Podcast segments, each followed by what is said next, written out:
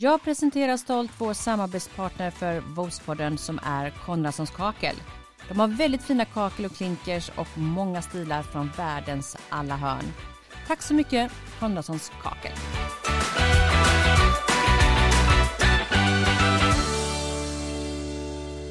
Välkommen till Vospodden. Idag gästas vi av en person som har byggt upp hela sitt varumärke i sociala medier.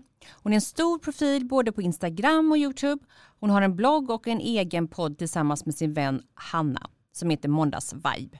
Jag pratar såklart om Lojsan Wallin. Hallå! Hallå, hallå! Hej. Välkommen hit! Tack så mycket, så kul att vara här. Ja. Är det Lojsan eller är det Lovisa? Nej det är? Lojsan. Rakt av. Ja rakt av. Överallt, i alla sammanhang. Ja, alltså jag tror inte, Lovisa känns inte som mig. Eh, vi har ju två Lovisor i vårt gäng. Så att ena tjejen är Lovisa och jag är Lojsan. Ja, det är så. Mm, Men jag hatade det från början. Ja. Alltså jag kan känna så här att, ja jag vet inte riktigt om jag ville egentligen bygga upp mitt varumärke kring Lojsan Wallin. När, liksom när jag startade. Men nu känns det jättebra. Nu känns det bra. Ja. Nu har du vant dig Yes. efter några år. Ja. Hur har din dag varit idag? Vad har du gjort? Gud, alltså jag dricker ju min första kopp kaffe nu och jag vet inte, det säger väl en del, klockan är typ ett. Eh, men jag har haft en eh, rätt stressig dag faktiskt helt ärligt.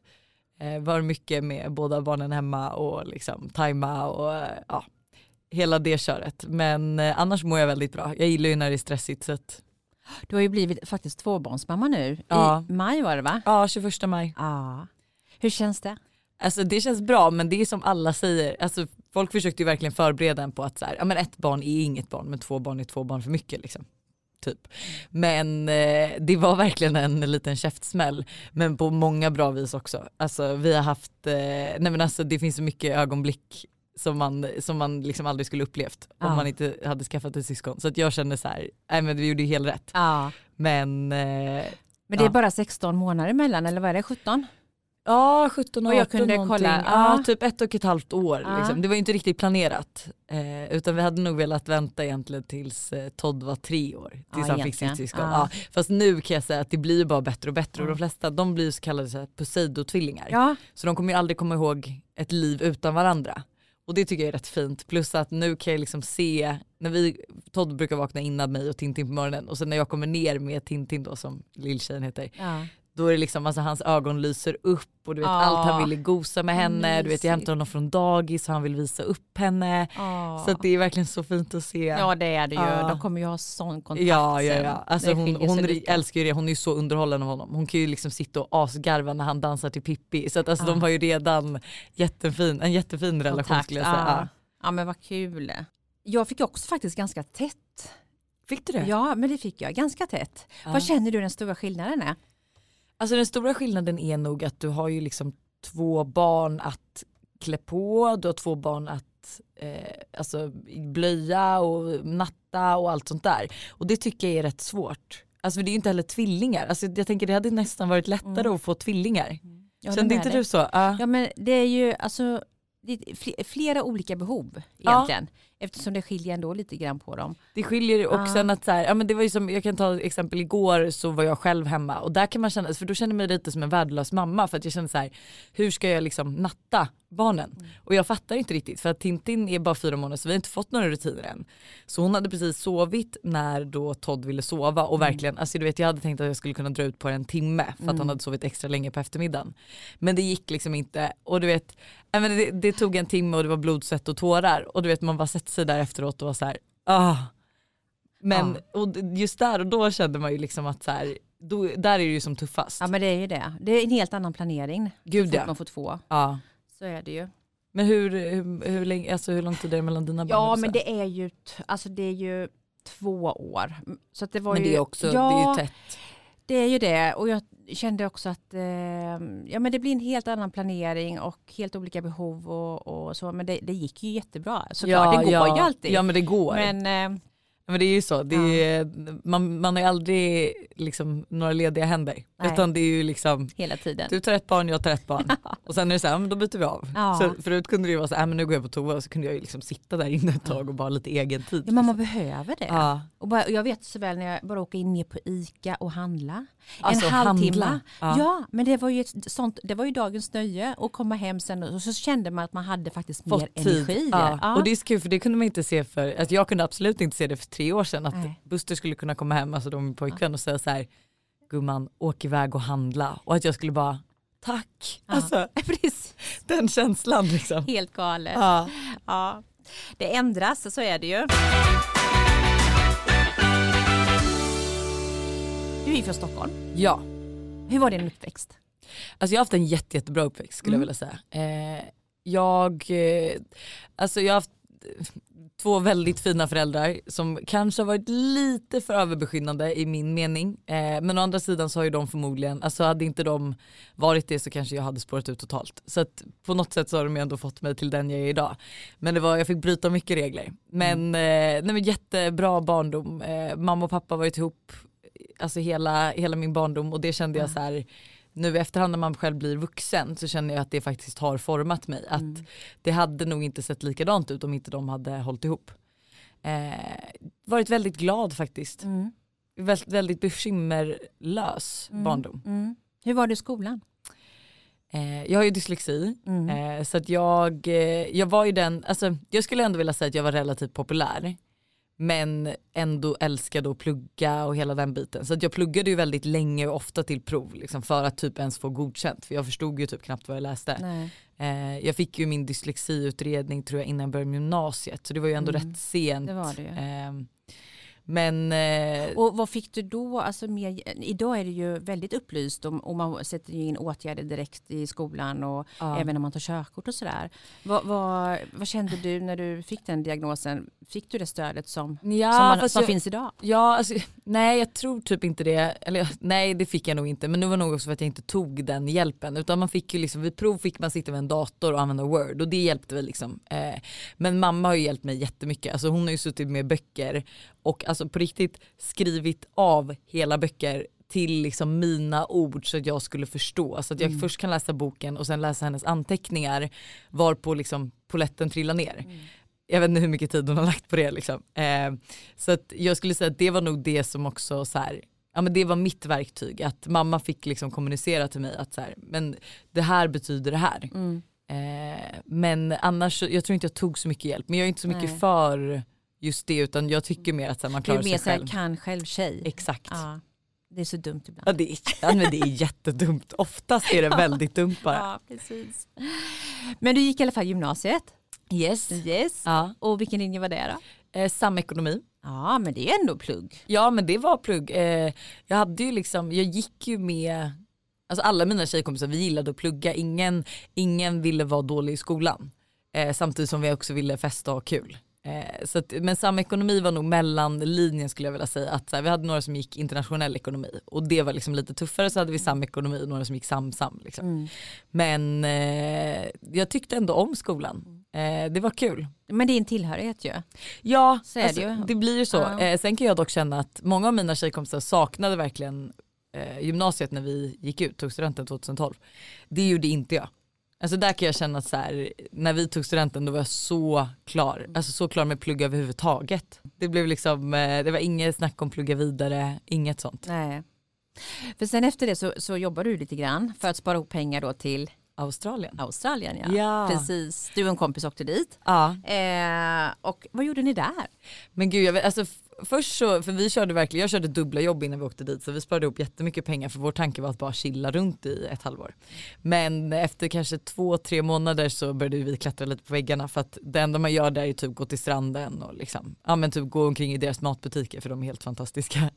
Men så då började vi jobba på en vad hette den nu, Shababa, en kebabrestaurang faktiskt som lag, låg vid Bondi Beach, alltså så här fräsch kebabmat. Eh, där jobbade vi, vi jobbade även som partyvärdinnor. Så det var ju också en rolig, Ja. ja. men det var mycket fest liksom. Det förstår. Eh, men det var alltså, det, Australien var väldigt väldigt roligt och jag började faktiskt tänka på det till och med i början på den här veckan för jag tror det kom upp något minne. Och jag saknar ju Australien Mm. jätte, jättemycket. vad jag- var det bästa med, med det landet? Så? För ni var väl ändå där i Ett halvår. ett halvår? Ja. Mm. Ja, eh, men gud, svårt att säga det bästa men det är nog att så här, alltså hela kulturen och eh, alla kaféer och liksom hela stämningen, allt var väldigt, eh, väldigt trevligt och mysigt typ. Sen är det ju, man blir alltid så nostalgisk att så här, ja, men jag gjorde en resa med min absoluta bästa tjejkompis, hennes syster och kompisar var där och vi alla hängde och det var verkligen så här det är ju någonting som jag aldrig kommer kunna göra igen. Eh, dra iväg ett halvår bara. Eh, så, den så, tiden är förbi lite. Ja men den tiden Nu är ju verkligen förbi. Ja. Ja. Så det vet jag, det säger jag ju alltid som tips liksom, när folk är såhär, vad ska jag göra efter gymnasiet? Jag bara, men alltså dra iväg. Eh, nu är ju det lite svårt med corona Mm. men när tiden finns, dra iväg för att eh, det är liksom en resa för livet. Mm, det är en sån upplevelse ju. Ja. Vad var höjdpunkten? Där borta liksom. Som, ja, Ja. Som, det var, som du kände att ja, men det minnet satte sig ändå bäst liksom. Men det måste nog ändå vara alla roliga utekvällar. Alltså det har, hänt, Såklart. ja, det har hänt väldigt mycket. Jag kommer minns nyår väldigt tydligt och vi Ja. hade lyckats få eh, biljetter till en klubb då som hette The Island. För det var liksom en klubb på en flotte.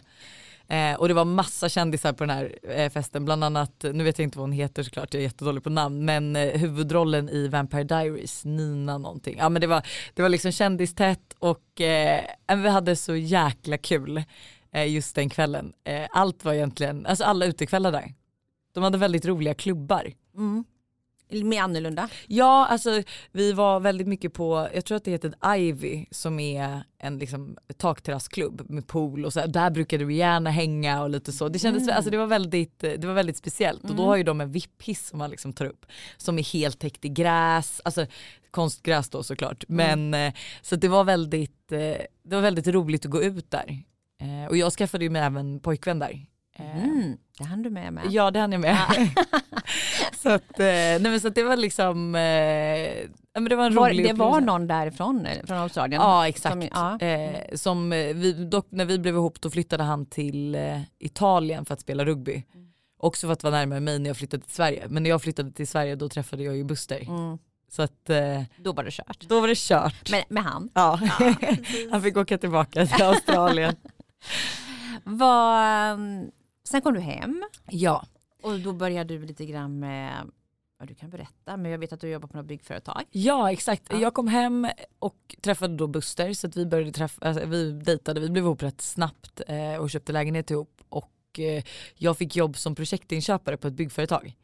Eh, alltså egentligen började jag väl i receptionist, alltså som receptionist på bolaget och det heter Sengun och är, alltså nu är de rätt nya, jag tror att de startade 2009 eh, och jag började ju liksom kanske 2014.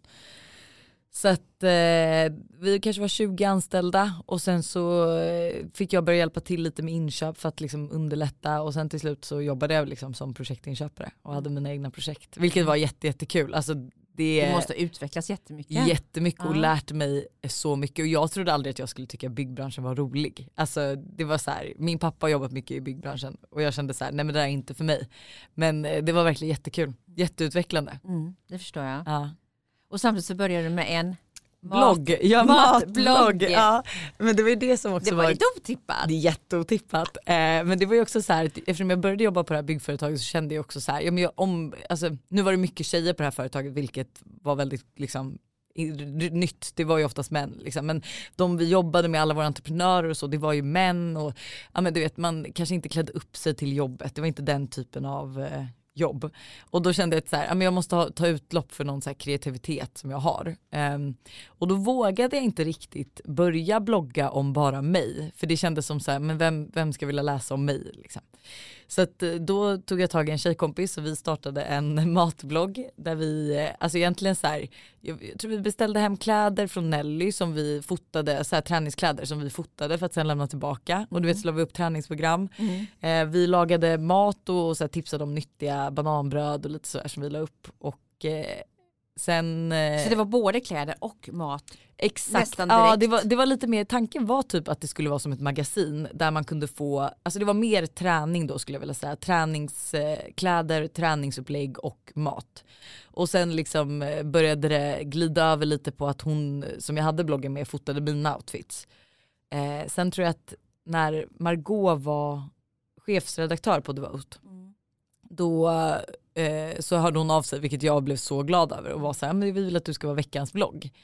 Eh, och då hoppade min tjejkompis av för då kände hon så här, nu har det här blivit för, För typ stort. stort. Ja, Ja. men typ. Eh, så då hoppade hon av men jag fortsatte och ju mer alltså, tid jag la på sängen desto mindre tid fick jag att laga mat vilket Mm. Buster är jätteglad över. För Mm. det var inget bra, det skulle ju mest se fint ut. Jag är ju inte bra på att laga mat överhuvudtaget, jag håller fortfarande på att lära mig. Eh, och då blev det mer outfitbilder liksom. Ja. Och så Den var lite gått. lättare. Ja, Lite ja, men det, smidigare ja, på ett exakt. sätt. Det var, smid, det var lättare att ta på vägen till jobbet eh, och lite så. Mm. Så, att, så den vägen har det gått. Så den vägen, så det var egentligen då du började med din bana i Ja. sociala medier? Ja det skulle jag vilja säga. Ehm, gud, är det så länge sedan? Typ 2015 började jag tror jag. Tiden går. Gud, fem år sedan. Ja. Det är sjukt. Var det segt i början eller kände du ändå att du fick liksom? Nej det var nog segt. Det var segt. Fast jag vet inte, jag tror inte man hade lika höga mål Nej. eller krav på sig själv som man kanske har nu om man skulle börja hålla på med Instagram eller så. För att jag kommer ihåg att när jag fick tusen följare var jag jättenöjd och då hade jag mitt första samarbete med Naked och Kul. eh, jag började få produkter hemskickade. Eh, men det var också så många som var så här men du, du förstår att det redan finns tillräckligt mycket med influencers. Du kommer ju aldrig kunna bli något för att de som är något nu har liksom jobbat med det här i tio år. Eh, De sa så till dig? Typ. Ja, ja. exakt Ja. och det var mycket när man var ute, att så här, hur går det med bloggen? Alltså många, man blev ju verkligen man blev lite mobbad Mm. för att man höll på med det här. Men jag lyckades även övertala min bästa tjejkompis Josse då som jag även var med i Australien att Mm. hon skulle börja. Ehm, och då har vi, liksom, vi har ju typ bara pushat varandra. Eh, och varenda lunchrast rast vi har haft så har vi fotat ihop. Eh, varenda lunchrast har vi gått på events och vi har liksom skapat content till varandra. Eh, så att vi, vi har ju verkligen kämpat. Mm. Hjälp varandra på Ja, sätt. varandra på tra- Ja. traven liksom, bara för att det ska lyckas. Så Och då att, var du eh, ändå kvar på byggbolaget? Eh? Ja, jag var kvar faktiskt. Jag är fortfarande anställd eh, Ja, du är det? av dem. Ja. Okej. Eh, så att det är egentligen att jag skulle ju gått tillbaka nu i mars 2020 men eftersom att sen jag fick reda på Tintin så var det så här, men det är ingen idé att gå tillbaka. Nej. Eh, men så att eh, det var liksom, eh, vi körde, det var väldigt mycket jobb Ja. ska jag säga. För Ja, då, jag. då var det liksom att balansera byggjobbet som också bara blev mer och mer och man fick egna projekt Mm. och mycket mer ansvar med att så här ändå jag ville uppdatera på Instagram och allt så. Mm. Du sa att första samarbetet var ju då när du hade tusen följare. Ja. Ja. Hur kändes det? Men det var ju, alltså, det var ju så här overkligt tror jag. Jag kommer ihåg också att om jag minns rätt att mina tjejkompisar var så här, men gud wow ska du jobba med dem? Eh, Naked Fashion var ju inte lika stora då men nu är de ju jätte, jättestora. Mm. Eh, och de jobbade nog rätt mycket med mikroinfluencers. Eh, nej men jag kommer ihåg eh, hur jag liksom klädde upp mig och hur jag gick eh, till då min pojkväns föräldrars grannes hus som är jättefint och fotade utomhus där vid hennes port. Du vet, Mm. för jag kommer ihåg vad jag hade på mig på Instagram-bilderna. Ja. Eh, det var verkligen, eh, men det var kul. Det känns typ ändå som att det var då det startade. Mm. Och för mig känns det som att det har gått rätt fort. Mm. Nu när jag tittar tillbaka så känner jag så här, det kanske inte gjorde det, men just där och då var jag så här, men gud det här går i raketfart. Men du Eh. började i alla fall liksom komma fler och fler följare och du började med Ja exakt och sen eh, kanske för, jag tror att det är, nu är jag nog inne på mitt tredje år som jag faktiskt kan leva på Mm. enbart sociala medier. Mm. Eh, så att eh, Mm. det är coolt för det, alltså, jag, jag trodde inte det från början, jag vet jag har pratat med det också med min då pojkväns eh, mamma, Ja. min svärmor. Och hon hade, ju, hon hade ju lite panik varenda gång vi var på landet på sommaren så kom jag med massa så dyra frukter för jag skulle göra fruktfat som jag Ja. skulle fota och lägga ut för att det var en fin bild och sen så bara, ja men du vet så var jag så ja men ät upp frukten ni liksom. Ja, ja. Och hon bara satt där och var så men gud ska det detta?" här bli något? ja, Lite så. Ja. Ja men vad kul. Men hur tänker du idag kring eh, liksom, samarbeten och liksom, ja, men selekterar du lite grann och, och vilka branscher vill du helst jobba med? Ja, alltså, jag vill ju ändå, jag vill ju vara livsstil. Så att jag vill ju egentligen, för det första så vill jag vara genuin och beröra många genom att fortfarande vara äkta och eh, ja, men på något sätt vara mig själv. Eh, lite ofiltrerat så att man inte bara får se den här perfekta sidan. Eh, och det har nog varit mest viktigt och då känner jag så här att de jag jobbar med eh, men det ska, vara, det ska vara varumärken som jag faktiskt använder. Eller börjar använda när de hör av sig. För det är ju många produkter som jag hittat via att de har hört av sig och sen har jag blivit kär i produkten Mm. och efter det har vi jobbat ihop. Eh, men eh, så att jag känner att eh, det är mer liksom så här, jag jobbar med de som faktiskt berör mig, de varumärken som jag känner att jag genuint kan tipsa om. Men du har ju ungefär 134 000 följare på Instagram. Ja, Du har podd med Hanna ja, med 161 000 lyssningar ja. i veckan. ja. Sjukt. Det är helt sinne. Men alltså den har gått så bra så att eh, jag kommer ihåg när vi startade den att vårt mål var att ha 50 000 lyssningar efter ett halvår. Ah, Men det nådde vi efter en månad. är helt galet. Så nu är vi till och med nominerade till årets podd faktiskt i Guldörat. Ja, jag såg det. Ja, det är så sjukt. Podden är faktiskt en av de, ett av de roligaste projekten i Grattis. hela min karriär. Ja. men vad kul. älskar poddformat. Och det var ju nu i november som eh, de delar ut priserna eller? Eh, gud, jag tror, ja exakt det är i Ja. november, man kan rösta fram till 18 oktober och det är någon gång i början på november tror jag som Mm, de eh, meddelar. Men vi är bara glada att vara nominerade för att Ja. bland de som är nominerade är ju väldigt stora poddar. Vilka är det? Vilka är det mer? Gud det är Alex och Sigge Ja. och de har ju liksom Sveriges största podcast. Eh, det är även eh, Sweet and Psycho tror jag podden heter. Det är en, också en jättegrym podd med två grymma tjejer. Eh, som också är så här, den, är väl, den är väldigt ny men de har verkligen slagit i taket. Eh, med lyssningar och hela det. Så att det är alltså väldigt mycket bra namn Mm. skulle jag säga. Mm. Så vi, men vi är bara väldigt Ni är glada att vara bra- nominerade. med ett bra gäng där. Ett riktigt bra gäng. Ja.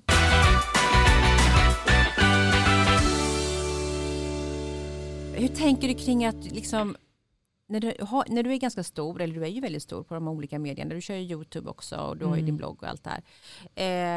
Eh, du har ju lätt att påverka Ja. och inspirera dina följare. Mm. Eh, känner du ett ansvar i det? Hur hanterar du Ja. det? Eller hur utnyttjar du det kan man väl säga? Alltså jag känner ett jättestort ansvar och jag tror faktiskt inte att, jag har inte känt det förrän för något år sedan tillbaka. Eh, då har inte jag riktigt uppfattat vad för ansvar jag faktiskt har och eh, mitt jobb som influencer är faktiskt att så här, hör ett företag av sig till mig, jag måste granska dem och se att så här, kan jag jobba med de här, vad gör de, vad står de för? Eh, och allt sånt är ju väldigt övermäktigt. Eh, så där har jag ju liksom behövt ta in hjälp nu eh, så jag ska kunna hinna med och göra rätt och bra ifrån mig. För det har jag insett att det jag kan säga nu kan liksom påverka väldigt många. Eh, och det är väl först när man börjar få kritik från olika håll som man blir varse om det. För annars så känner ju inte jag Alltså de här 134 000 är ju väldigt, det går ju liksom inte att ta på. För jag ju träffar inte, kanske träffar någon enstaka på stan liksom när jag är Ja. ute. Men jag har ju liksom inte sett alla framför mig så att jag förstår nog inte hur många det är som följer och lyssnar. Så ett jättestort ansvar. Mm. Men det är ju svårt också som eh, tvåbarnsmamma, rätt ny också bland sociala medier och rätt ny i den här världen. Alltså som vi säger, Generation Z är ju väldigt, eh, alltså de är ju väldigt kunniga och de är väldigt, eh, alltså de eh, granskande skulle jag vilja säga, men på ett väldigt bra sätt. De, liksom, de tar ingen skit och de lyssnar, alltså de granskar företag, de granskar personer och hela den, liksom så att man Mm. Ja, så att det är rätt personer som faktiskt jobbar med det vi gör. Mm. Vilket jag tycker är bra men det är också väldigt nytt.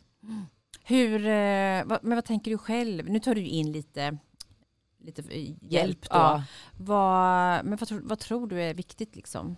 Men för mig är det viktigt att så här, jag kan inte göra något mer än att vara mig. Eh, och slutar jag vara mig för att tillfredsställa andra då kommer jag kanske tappa det. Så att ibland kommer jag trampa folk på tårna med mina uttalanden för att jag vill fortfarande vara äkta och stå för vad jag tycker utåt sett.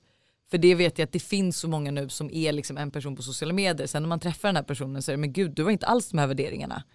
Eh, och där känner jag att jag aldrig vill hamna. Eh, så att för mig är det liksom viktigt, jag har olika medier till olika saker och ting och då brukar jag säga att så här, Instagram för mig, eh, just poster, det är lite mer inspiration, tänk det som en tidning. Eh, stories blir mer ofiltrerat medan YouTube är jätteofiltrerat. Alltså där är det alla vinklar, alltså hela, hela mig och allt vad jag tycker, känner. Man får liksom se snedsteg som mamma där eh, och sånt är ju jättetufft. Eh, Men och jättenyttigt att visa Ja men jättenyttigt, egentligen. ja och jag tror det för att folk är, just när, man, när det kommer just till mammaroller också är folk väldigt lätt att döma och väldigt lätt att peka finger liksom att så här, men du gör fel och så där ska du inte göra. Eh, och där tror jag att det, är- alltså, det är så många som, där ute som känner sig som värdelösa mammor för att de ger McDonalds till sina barn. Och för mig ska det vara så här okej men du orkar inte, det är bättre att de får en bra energifylld mamma än att du ska ställa dig och laga ärtor och broccoli liksom. Ja, ja, ja. Ja. ja men Eh, men lite håller- så, ja. så att, eh, för, för det har jag känt, eh, särskilt på YouTube, för där är folk rätt taskiga. Mm. Att där kan man få mycket pekpinnar liksom. och då är det ju bara att, där vill jag ändå fortsätta också inspirera de mammor som, för då känner jag så här, okej men jag kan få kritik men jag kan ändå hjälpa rätt många att kanske bygga upp självkänslan att det är okej att ge McDonalds. Mm. Kan få kolla på tv. Liksom, vi lever inte i den här fejkade världen då jag går upp på morgonen i ett jättestilrent och fint plockat hem, lagar lite gröt, de äter den och sen plockar, tar liksom på sig ryggsäcken själv och går till skolan. Liksom. Det är Nej. sällan så. Ja, men jag tycker det är helt rätt. Alltså, det är så bra. Ja. Men jag tänker på i ditt Instagramflöde då. Ja. När man går in där så Mm. är det väldigt snyggt. Ja. Alltså snygga bilder och, och ganska stageat om man säger så. Jättestageat. Ja. Ja. Och jag förstår ju att det är planerat såklart. Ja, ja, ja. Hur mycket tid lägger du på varje bild ungefär? Alltså vissa sker ju helt spontant men eftersom att jag ändå har Eh, jag har en bild av hur jag vill att min Instagram ser ut och jag har liksom bilder så här, så här vill jag att den här bilden ska vara. Men jag skulle ju säga att jag fotar ju nästan varje dag för att jag vill lägga upp någonting varje dag. Och en timme kanske, en två timmar. Det beror på också för man har ju dåliga veckor och bra veckor så att nu är jag kanske lite inne i en dålig vecka. Och eh, då granskar man väldigt mycket själv och sitter väldigt länge med bilder och är så här, men gud passar den där in i flödet, ja, men det där känns inte originellt, kommer jag få så mycket likes på den? Alltså Mm, lite så, så det beror på, men jag skulle ju säga att så här, ja men åka in till stan, fota och redigera, ja men en timme typ. Mm. Ja men det går ju snabbt. Det är ju snabbt men sen är det ju Du väldigt mycket vant dig. tid och energi bakom liksom, det att så här, välja outfits och just det liksom. Men själva fotandet, eh, det är det. men det är ju kul, alltså det är ju jättekul. Jag älskar ju att fota och särskilt så här, ta stageade bilder. För mig är det ju så här, det kan ju verka så töntigt liksom men, eh, ja, men för mig är typ ta en stagead bild när jag går över ett övergångsställe som jag känner så här, men den där känns bra. Den det, satt ja nu. men där, där satt den Ja. liksom. Då, det är ju liksom. Då klappar jag mig själv på axeln och så här, ja men nu har du gjort bra. Ja. Vilken eh, av kanalerna tycker du är roligast om du är tvungen att välja? Gud vad svårt. För du jobbar ju lite olika med dem. Ja, Ja, men om du är tvungen jag så här. hade nog behövt båda. Eh, för att jag kan liksom inte vara så ofiltrerad som på, alltså på Instagram som jag är på YouTube. Ja. Men det är ju ändå fotningen och det som jag älskar i grunden. Mm. Så att, Men du har ju fyra egentligen om man tänker på både just det, podd, men gud jag glömmer ju podden. liksom bort. du har du har Podden för mig är typ inget jobb för det är bara jag och Hanna som sitter Ja, och snackar precis. skit. Eh, Du har ju fyra. Ja gud men då måste jag få välja två. Okej då. Eh, podd och eh, Instagram. Podd och Instagram. Ja, Ah. För då skulle jag börja göra mer vloggar typ på Instagram story tänker jag. Ah. Alltså så att jag fick vara den ofiltrerade på story enbart. Mer rörligt där. Ja. Ja. Det kanske kommer. Det, ja det, det vet man inte. Nej, precis. All, v- vad tror du det beror på att du har blivit så stor på sociala medier? Och ganska, och väldigt snabbt. Inte Eh. ganska, utan väldigt snabbt tycker jag. Alltså, jag skulle ändå inte vilja säga att, jag tycker ju liksom att det gick fortare i början, nu känner jag att nu går det långsamt men det är ju, jag tror att det är väldigt, jag är ju det är svårt, jag tror ändå på något sätt att jag har väl skapat någonting som folk tycker om. Eh, men jag har ju fått väldigt mycket hjälp, alltså jag lärde ju känna Hanna då precis när det här började ta fart. Eh, Hanna Friberg då, Licious, mer känd som Hanna Mm. Eh, och då började det ta fart på riktigt så jag måste ju ändå alltså, ge henne väldigt mycket cred till eh, att jag är där jag är idag. Eh, och sen är det alltid så, alltså, jag brukar alltid snacka rätt mycket om synergieffekt. Att synas, höras på andra sociala medier ger rätt mycket men du kommer ju inte komma någon vart om du faktiskt inte har något att erbjuda. Nej. Eh, då kan du kämpa bäst du vill. Liksom. Mm. Men eh, det måste ju ändå vara någonting som folk vill se och gillar och känns genuint. För att Mm. jag vet att det är många där ute som vill bli just influencers. För att det låter ju som att allt vi gör är få gratis grejer och åker på sponsrade resor. Och liksom. Men det är så mycket jobb. Eh, jag tror jag jobbar mer än eh, min pojkvän som ändå driver ett eget byggföretag med liksom tio anställda. Hur ser en dag ut? Eh, gud jätteolika. Ja. Så det är det som är väldigt kul. Ja. Eh, till exempel idag har jag bara jobbat hemma fram tills eh, jag kom hit. Eh, fotat lite samarbeten och liksom bara strukturerat. Eh, andra dagar så åker jag in till stan och poddar och fotar. Eh, så det är väldigt salig blandning av hur mina dagar ser Mm. ut. Vilket jag älskar. Ja men det är väl kul och dagarna går fort. Och, Jättefort. Ja. Ja. Det Jätte- räcker inte till skulle jag vilja säga. Nej det förstår jag. Jag tänker, du säger livsstil. Ja. Eh, men jag tar dig lite mer ändå som mode. Ja. Så. ja. Eh, vart vill du vara någonstans? Vill du liksom... Det här är, ju, ja. det är svårt. Ja. För grejen är att så här, för mig, eftersom att mina bilder ändå på något sätt är någonting jag har tänkt igenom. Eh, jag vill nog gå mer mot livsstil. Även om jag älskar mode, jag vill verkligen inspirera med mina outfits. Eh, men det på något sätt så, men jag vill nog vara mer, mer mot livsstil än mode. Nu är det bara det att när man, man har inte så mycket tid till annat. För mig är det lättast att fota outfits än att fota någonting hemma för att jag ändå vill att det ska se bra och fint ut. Eh, men eh, jag vill liksom vara en kombo typ. Mm. Där det kanske är lite mer mode, ja men typ vi säger då eh, 50% mode, 50% livsstil. Mm. Men, men vill du vara livsstil för att du liksom är bred i ditt, vad ska man säga, i ditt i, i dina intressen? Eller, Ja. eller känner du att nej men jag vill jobba med livsstil för då är det lättare kanske att få samarbeten? Alltså det, man måste ju säga att det är ju betydligt lättare om man är är livsstil för då kan du liksom dra in alla samtidigt som om du typ bara kanske skulle hålla på med häst, eh, vara typ en hästtjej på sociala medier. Ja, men då skulle du bara kunna dra in samarbeten kanske kring hästar och så. Så att absolut att man tjänar nog mycket mycket mer. Men jag tror också att det är för att jag är livsstil. Alltså jag älskar ju så här, jag älskar att gå upp tidigt på morgonen och träna. Men jag skulle kanske inte träna varje dag eller typ verkligen involvera mig i ämnet. Liksom. Och jag älskar att eh, ja, men tid med mina barn och gå på Skansen samtidigt som jag älskar att klä upp mig och mode och allt. Så jag skulle ju nog säga att jag som en person är livsstil. Liksom, jag lagar mat men absolut inte avancerad mat. Nej. Jag håller på att lära mig nu men eh, Du kan säkert jättebra. ah, jag vet inte riktigt. Nej, jag har haft en matblogg ju. Ja men jag är faktiskt helt värdelös, det vill jag faktiskt erkänna.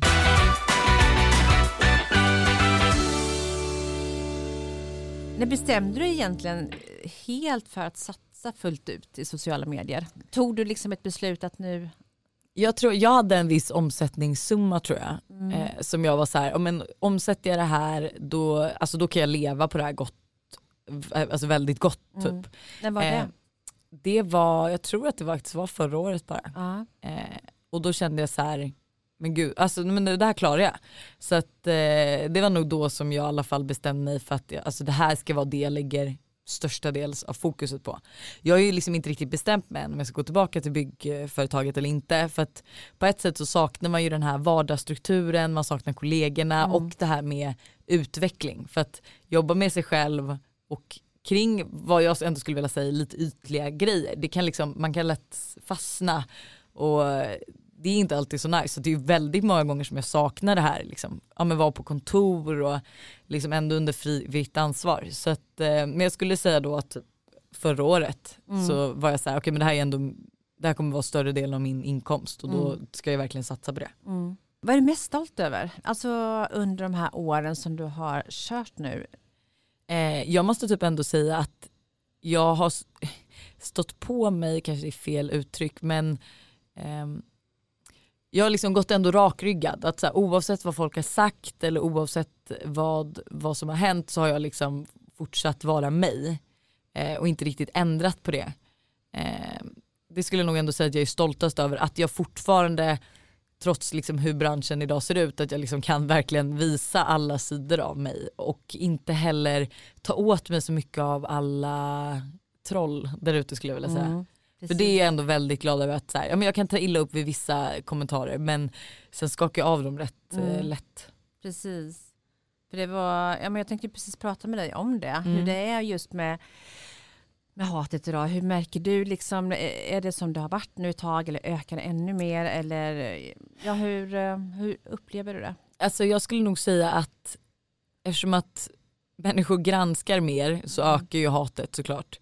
Eh, jag, sak, alltså jag saknar faktiskt i dagens samhälle så saknar jag väldigt mycket konstruktiv kritik. Eh, för det kan jag känna att eh, jag har gjort eh, några tabbar som eh, liksom offentligt och kan känna att så här, där hade jag behövt någon som hade förklarat att så här, ja, men, det här gjorde du fel tycker jag och därför borde du kanske göra så här. För att det är så mycket lättare att ta åt sig kritik om någon säger det på ett pedagogiskt sätt än att man bara kastar skit. För då går man ju Precis. direkt i försvarsläge. Mm. Alltså säger någon att så här, men du är en värdelös mamma. Då blir man ju så här, men ok- okej vad, gör- vad gör du? Varför säger du så? Mm. Istället för att så här, hallå jag tror inte att du ska göra sådär för att eh, jag har läst att barn kanske kan eh, bli illa, eh, få en dålig självkänsla, vad Ja. som helst. Eh, så att det kan jag ju känna att det saknas Ja. att folk, men det är ungdomar, det är ju barn tyvärr som är på nätet och då är det väldigt många som, eh, ja man, eh, man beter sig liksom inte riktigt. Nej.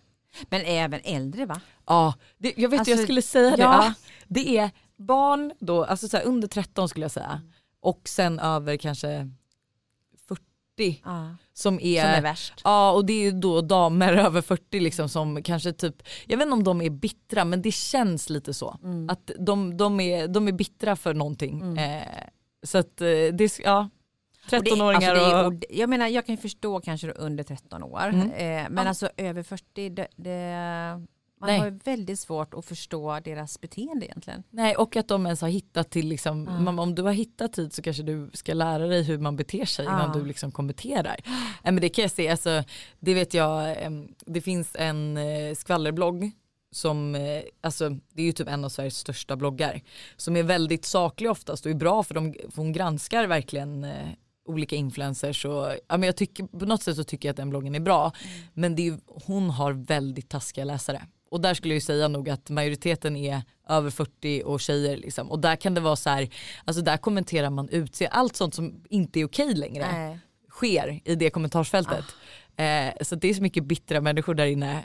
Eh, så där kan man ju, om man går in där så kan man börja må lite dåligt.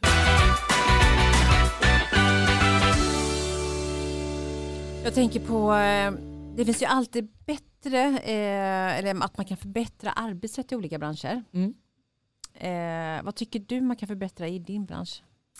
Jag tycker det finns mycket att göra med just influencer marketing. Eh, för det första så är alltså det är väldigt svaga riktlinjer gällande bud, samarbeten och egentligen hur bra betalt man kan ta. Jag tror det är många som inte vet hur bra man faktiskt kan ta betalt. Eh, och jag vet att jag fick rätt mycket hjälp av Hanna också i början då hon var så här, nu har du kanske 20 000 följare. Den här tidningen har 20 000 läsare och de tar så här mycket för en annons. Förstår du då vad du ska ta för en annons och du är dessutom mer personlig och man kan alltså tracka det du säljer. Eh, och det skulle vara så här, men att ta branschen mer på allvar för att alltså, jag tror influencer marketing är liksom, det är verkligen nutidens eh, reklam. Det är liksom, man har, man har alltså, egna personer som går som reklampelare. Ja. Där liksom det du säger är faktiskt någonting som du står för och det blir mycket, mycket mer personligt. Eh, så att, eh, ja men mer... Vad, vad, skulle du, vad tycker du då man skulle kunna, finns det några saker som du kan kon- konkret säga? Att det här och det här skulle finnas alltså, mer regelverk eller Ja, en, mer- alltså en, en ja, vad ska man säga, manual? Alltså, Ja men för det första så tycker jag liksom att det skulle ju vara mer tydligt. Eh, jag tycker att det ligger, även om det också är mitt ansvar, men jag tycker att det ligger väldigt mycket på företagen att när de mejlar ut, för att är man ny i branschen då kanske man inte riktigt vet vad som är okej eller inte okej. Att så här, jag hade aldrig vetat att det inte var okej i början att ta emot produkter och marknadsföra dem gratis. Så att bara en sån sak att så här, på typ Skatteverket så borde det finnas, nu tror jag i och för sig att det har börjat komma mer Ja. regler men även där ringer man dem Ja. eh, har inte de jättemycket koll. För det, kan jag säga, det har jag gjort några gånger för att det är så här, okej nu har jag fått ett bud hem, jag har inte sagt att jag vill ta emot det här, vad gäller då? Och då kan de inte riktigt svara på det. Eh, och just sådana riktlinjer skulle jag vilja säga så att yrket kan tas mer professionellt. Att eh, företag kanske inte ha, kan skicka ut gratisprodukter hej vilt utan att det faktiskt är regelböcker och just nu är det ju att det mesta handlar ju på influencers och inte företagen. Just det. Eh, så egentligen mer det blir alltså influencer, ansvar. ansvar, exakt Ja. att så här, väljer du som företag att skicka ett bud till mig och jag inte ens har tagit emot det men är det, hamnar det på min dörr eller vid mitt trappsteg då är det mitt ansvar att se till att jag inte tar emot produkten för att annars behöver jag förmånsskatta och lite så. Så att jag skulle säga mer eh, regler kring eh, alltså ah, vad kan man säga, typ bara början eh, när man liksom, ja men för företag och influencers, att Ja. så här, det är det här som gäller. Kan det vara att det hänger ihop lite grann med att många tyckte att, eh, ett för, att eh, influencer inte var ett yrke innan? Ja det tror jag. Och det är ju precis egentligen som att det har nästan blivit godkänt för gemene man. Ja gud ja. Eller hur? Ja, det är ju väldigt och det måste ju nytt. du ha hört ganska mycket så här, men är det verkligen ett yrke? Alltså jag tror många tror nog inte heller, alltså jag tror det, det är ju väl kommit till nu och jag tror att där är till exempel Bianca Ingrosso en väldigt stor pelare här Ja. för att jag tror folk har förstått hur ehm, ja, men hur mäktig till exempel hon är som jobbar med det här. Mm. Och då inser man lite så här, okej men då är de här nog också rätt mäktiga. Eh, så jag tror att stor del är faktiskt tack vare henne. Eh, men jag skulle faktiskt säga det att eh, nu, eh, nu skulle nog inte folk ifrågasätta om jag kan leva på det här. Nej. Men kanske för ett år sedan så kanske de gjorde det. Mm. Det har Eh, hänt jättemycket i sista. Jättemycket. Och det ja. tror jag eftersom Bianca hon ändå har lyckats otroligt bra sista. Ja, ja, ja. ja tiden, det att jag senaste att hon- året. ja. Så att nu har det ju verkligen eh, kanske lagt sig för alla att det är ett yrke som man Ja. kan ja, men ekonomiskt verkligen. oberoende Ja, som ja. 25 när man jobbar med sociala medier. Sen alltså entreprenörs, för det är ju också så att bara för man jobbar med sociala medier, betyder, alltså man är ju en entreprenör. Mm. Så är det ju. Mm. Gillar du det? Ja jag älskar det. Mm. Alltså jag älskar det. Jag älskar friheten, jag älskar kreativiteten och att liksom få skapa sitt. Sen är det så här, ja, men man, jag har en önskan om att växa mer så att jag kan liksom bli mer som ett team. Eh, så man kan få hjälp att alltså, balansera och dra ut alla sina idéer. För att jag har så mycket som liksom, Ja. man hinner inte riktigt. Nej. För jag vill vara mamma också. Men du har ingen assistent eller så i dagsläget? Nej, Nej. Eh, jag håller ju på att leta lite. Ja. Eh, men jag, det som jag kände, jag hade en tjej som provjobbade hos mig och det är ju jätteskönt med någon som hjälper till. Eh, men där kände jag mig typ mer divig. För jag var såhär, det här klarar jag verkligen själv. Det jag behöver hjälp med är mer det som jag inte är bra på själv. Vilket liksom är mer eh, ja, men projektledning och lite, alltså, jag, jag är bra på det men jag behöver liksom stöttning. Mm. Jag behöver få in fler idéer och lite så. så Mm. att, ja. Och göra liksom klart kanske större samarbeten och, Exakt. och sådär. Ja, ja men och få hjälp att välja liksom. Så Ja. att, för det är ju också så, man sitter ju med sitt egna schema så att vissa veckor har jag jättelugnt och andra veckor när jag varit jättetaggad, men då har jag jättemycket. Ja. Och just den balansen också. Mm. Eh, jag tänker på konkurrensen då i branschen. För jag menar alla branscher har ju konkurrens på ett eller annat sätt. Mm. Eh, och nu börjar det bli ganska många ändå influenser. Ja. Eh, alltså både ni som är stora och mikroinfluenser. Det finns ju en hel del ändå som, som kommer börja komma Gud, upp ja. lite grann sådär. Ja. Eh, jag tänker på er som har liksom etablerat er. Eh, hur är konkurrensen i er bransch? Jag skulle säga att det finaste typ med influencer marketing, alltså i alla fall från min sida är att så här, absolut jag kan jämföra att så här, men varför växer hon så fort? Varför får inte jag de följarna? Men det är väldigt fint för man stöttar verkligen varandra. Alltså det är allas lanseringar, alltså man vill verkligen höja folk och att det ska gå bra för andra. Eh, och jag tror att det är liksom, vi är mycket tjejer i den här branschen som vill ja, men höja varandra. Eh, så det är jättefint. Jag skulle säga att den konkurrensen är alltså ibland påtaglig för att man såklart är typ avundsjuk. Men det lyser liksom aldrig igenom utan ändå fortsätter man pusha. Eh, jag är väldigt öppen med att så här, jag blir typ, ja men gud varför ska det gå så bra för henne liksom. Men att jag är såhär, men du gör ett skitbra jobb så jag fattar varför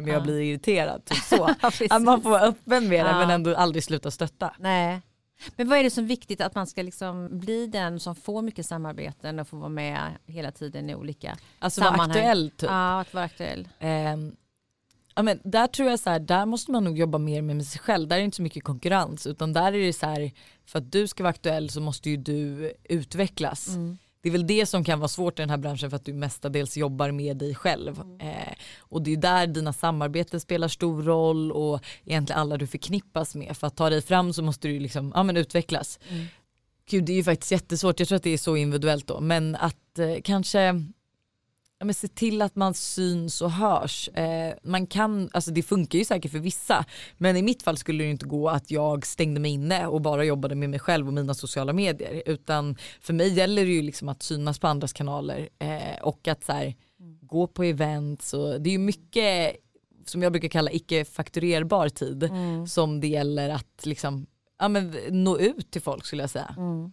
Och det har ju varit lite svårare nu egentligen. Ja, Alltså under de här rådande tider. För jag jättesvårt. kan tänka mig eventsen, även för er har ju blivit kanske Nej, det är ju knappt, minimalt. ja, nej, det har ju bara varit digitala events eh, faktiskt. Ja. Eh, på ett sätt är ju det skönt för det är ju mycket mer tid till eh, att jobba. Mm. Men, eh, nej, men det är ju saknats. Eh, det har inte varit så mycket socialt skulle jag säga de senaste månaderna just inom yrket. Mm. Så på så sätt så är ju det, har ju det såklart varit en bidragande faktor till att liksom, för vissa Mm. kanske inte går så bra. Man kan ju liksom inte visa upp sig lika mycket. Så att Nej, säga. nej. Men eh, det känns som att det börjar sakta men säkert dra igång. Ja. Skönt. Ja jätteskönt faktiskt. Jag tänker på, hur tror du de sociala eh, medierna kommer förändras framöver? För det kommer ju förändras, det vet Ja. vi ju i alla fall. Det svaret har vi ju. Det har vi. Men eh, vad tror du? Alltså jag tror verkligen inte att det är, för det är ju många som spekulerar kring att det är ett utdöende eh, marknadsföring. Men eh, jag tror att det kommer bara växa, jag kommer, tror att det kommer bli större. Men jag tror och hoppas även om att, att det kommer bli mer riktlinjer så att det kommer liksom inte vara det kommer inte vara så mycket, kan man säga, alltså, är svårt att formulera det rätt men Eh, ja, men det kommer ses mer seriöst och de som faktiskt jobbar med det, alltså de jobbar med det. Eh, de, man tar rätt betalt. Eh, för det kan ju säga att det är väldigt mycket mikroinfluencers då framförallt som inte vet sitt egna värde.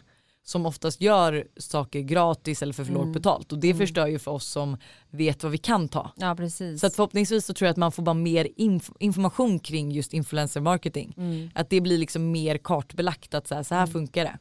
Eh, det är liksom en av de mest betalda yrkena just i dags eller i, då i framtiden. Ja, ja men det är det ju och det är det väl i... Det kanske är det, ja det är det, Det nu men, inte, just, men det- ja, men just att just den reklampelaren Ja. blir mer eh, ja, men typ, alltså så här, lika kraftfull som tv-reklam, som tidningsreklam, som radioreklam, att man fattar värdet i det. Mm.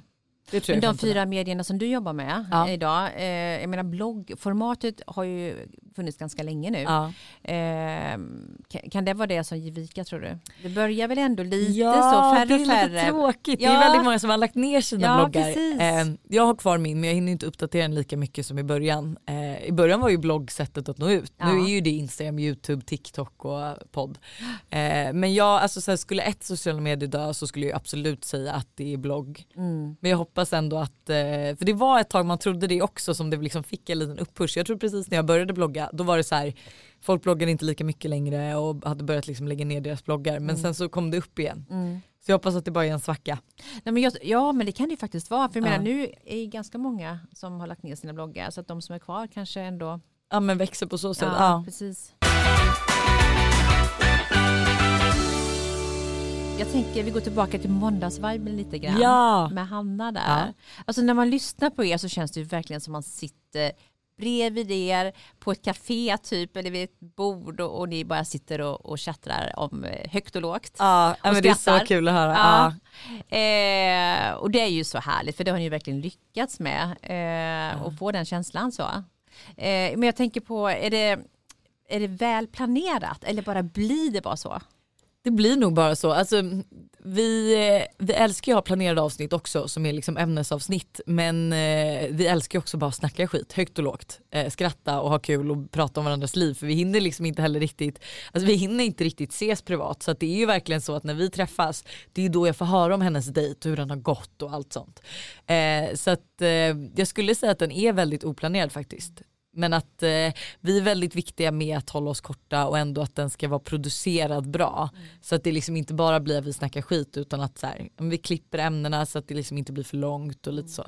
Eh, så planerad men väldigt eh, bra klippt. Mm.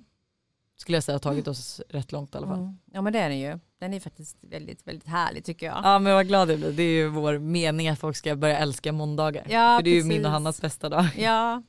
Alltså om du får lite egen tid, Ja. då har du ju svårt att få det såklart med två små barn. Men om du får det, det är klart att du får det. Ja, Du tar ja, ja, ja, man tar sig tid. Ja, det gör man ju. Vad, vad, vad gör du då? Alltså är jag bara hemma eh, då skulle jag nog alltså, hoppa in i en lång dusch och alltså, du vet bara doppa mig i alla krämer jag har hemma. Liksom. Jag ska bara drypa liksom. Sätta sig i soffan och du vet käka med normal eh, Ahlgrens bilar nonstop och kolla film. Ja. Alltså det, är verk, alltså det är den perfekta och det kan man faktiskt nästan göra så fort barnen har somnat. ja. Så att jag får rätt mycket egen tid. Eh, men det är liksom extra speciellt när man är själv hemma och liksom till och med killen är borta Ja. och allt sånt. Liksom.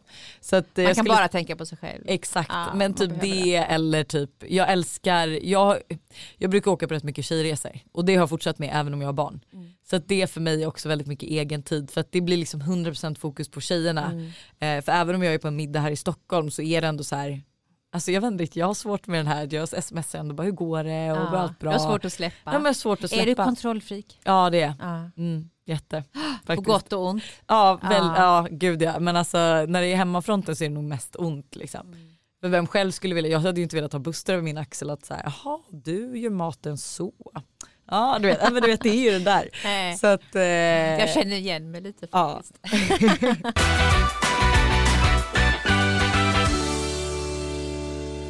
Vi har ju lite frågor från våra följare med på Vows. Nej vad kul. Ja, några stycken. Ja. Ska vi ta dem? Vi tar dem. Ja. Eh, vem inspireras du av? Gud det där är så svårt, jag fick den frågan rätt nyligen och jag var så här, just nu så känner jag inte att jag faktiskt inspireras av någon tråkigt nog för det känns egentligen som att man faktiskt alltid måste ha en rollfigur som man inspireras av. Och alltså, det, jag skulle ju säga att typ Bianca har varit jättestor liksom, förebild. Eh, eh, jag har även eh, Matilda Djerf eh, som är väldigt stor på Instagram. Så att eh, Ja, det är en salig blandning skulle jag säga. Men jag inspireras mest av liksom hela Instagram, att vara inne där. Och, Ja. eh, men det är ingen speciell person just nu. Men jag håller på att leta. Ja. Jag älskar att ha girl crushes. Så att, snart. ja. Vad är ditt drömjobb om du får välja helt fritt? strunt i utbildningar utan bara få välja? Åh gud.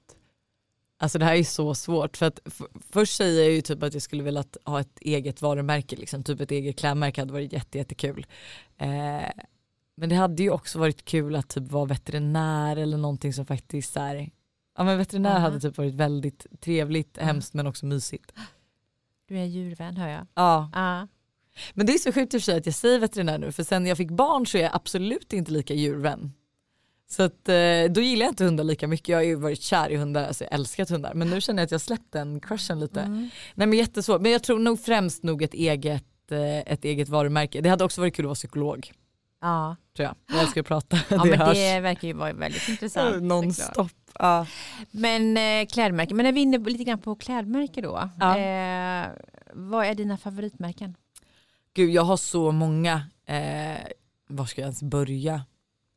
Jag tror om man tänker som inte är så här, alltså, för jag älskar ju liksom Nelly och Naked och Bubble Room och alla dem. Eh, men det är ju lite mer mainstream-märken om man får säga så. Att det är ju liksom, det är rätt många som har dem. Mm. Eh, så jag ska försöka tänka ut, jag gillar Style In. De är inte, De, är, de är jättebra tycker jag. ja jag älskar dem, Ja. deras kvalitet är jättebra. Så det är liksom ett, det är ett rätt relativt nytt märke Mm. som jag har kommit att älska. Eh, Ragdoll gillar jag också, det är Mm. från LA. För nu säger jag bara nya men det är liksom, eh, jag skulle säga att det är typ de två. Mm. Som är i alla fall så nya kärlekar som inte kanske alla känner till. Ja, men som blir lite så här, jaha oj, ja, Mm. Var handlar du bäst? nätet. Nätet. Det är sällan du går. Alltså på Sara kan jag gå på Ah. för jag gillar inte deras webbshop. Så att Sara går jag bara i butik. Eh, men annars så handlar jag bara på nätet. Mm. Eller typ alltså så här dyrare liksom. Jag skulle kanske inte köpa en Chanel över internet. Men, eh, men ifall jag bara ska shoppa då är det nätet. Vad ska man göra för att lyckas att bli stor i sociala medier? Jag tror att så här, man ska först veta att det är mycket jobb som krävs. Eh, och alltså så här, var konstant. Liksom. Eh, fortsätt uppdatera. Eh, uppdatera mycket, nå, nå fram, interagera med dina följare och skit lite i vad alla andra säger. Alltså så har du 400 följare, men det är skitbra. Har du 4000 följare, också jättebra. Alltså, till slut så kommer du ju liksom komma upp och det är väl verkligen bara att vara ihärdig och fortsätta. Eh, för mig var det ju också så att jag tror att jag satte en nu är det här lite vagt men jag tror faktiskt att så här, när jag väl la väldigt mycket tid på just eh, Instagram och blogg och allt utan att det faktiskt gav betalt så satte jag liksom en gräns att så här, till eh, innan jag satte liksom omsättningsmålet så var det så här, men når inte jag typ så här mycket följare eller typ känner inte jag att jag gör någon skillnad fram till den här dagen då får jag faktiskt släppa det. Mm. För då är det inte min tid nu typ. Så jag tror det är också rätt viktigt. Eh, så att man liksom inte, för det är jättebra att jobba hårt för någonting man verkligen vill. Eh, men också så att så här, ibland, Instagrams algoritmer kan man ju inte styra över. Så Nej. når inte dina bilder ut just nu, nej då får du liksom kanske ta ett nytt tag senare. Ja. Men jag skulle säga att så här, var ihärdig och fortsätt konstant. Mm. Uppdatera mycket tills du liksom vet och tills du kan säga så här, men okej det här funkar inte eller det här funkar. Mm. För innan dess vet man inte så mycket. Varför tror du att det är så många eh, tjejer, kvinnor som eh, är influencer och jämfört med killar, Män. män?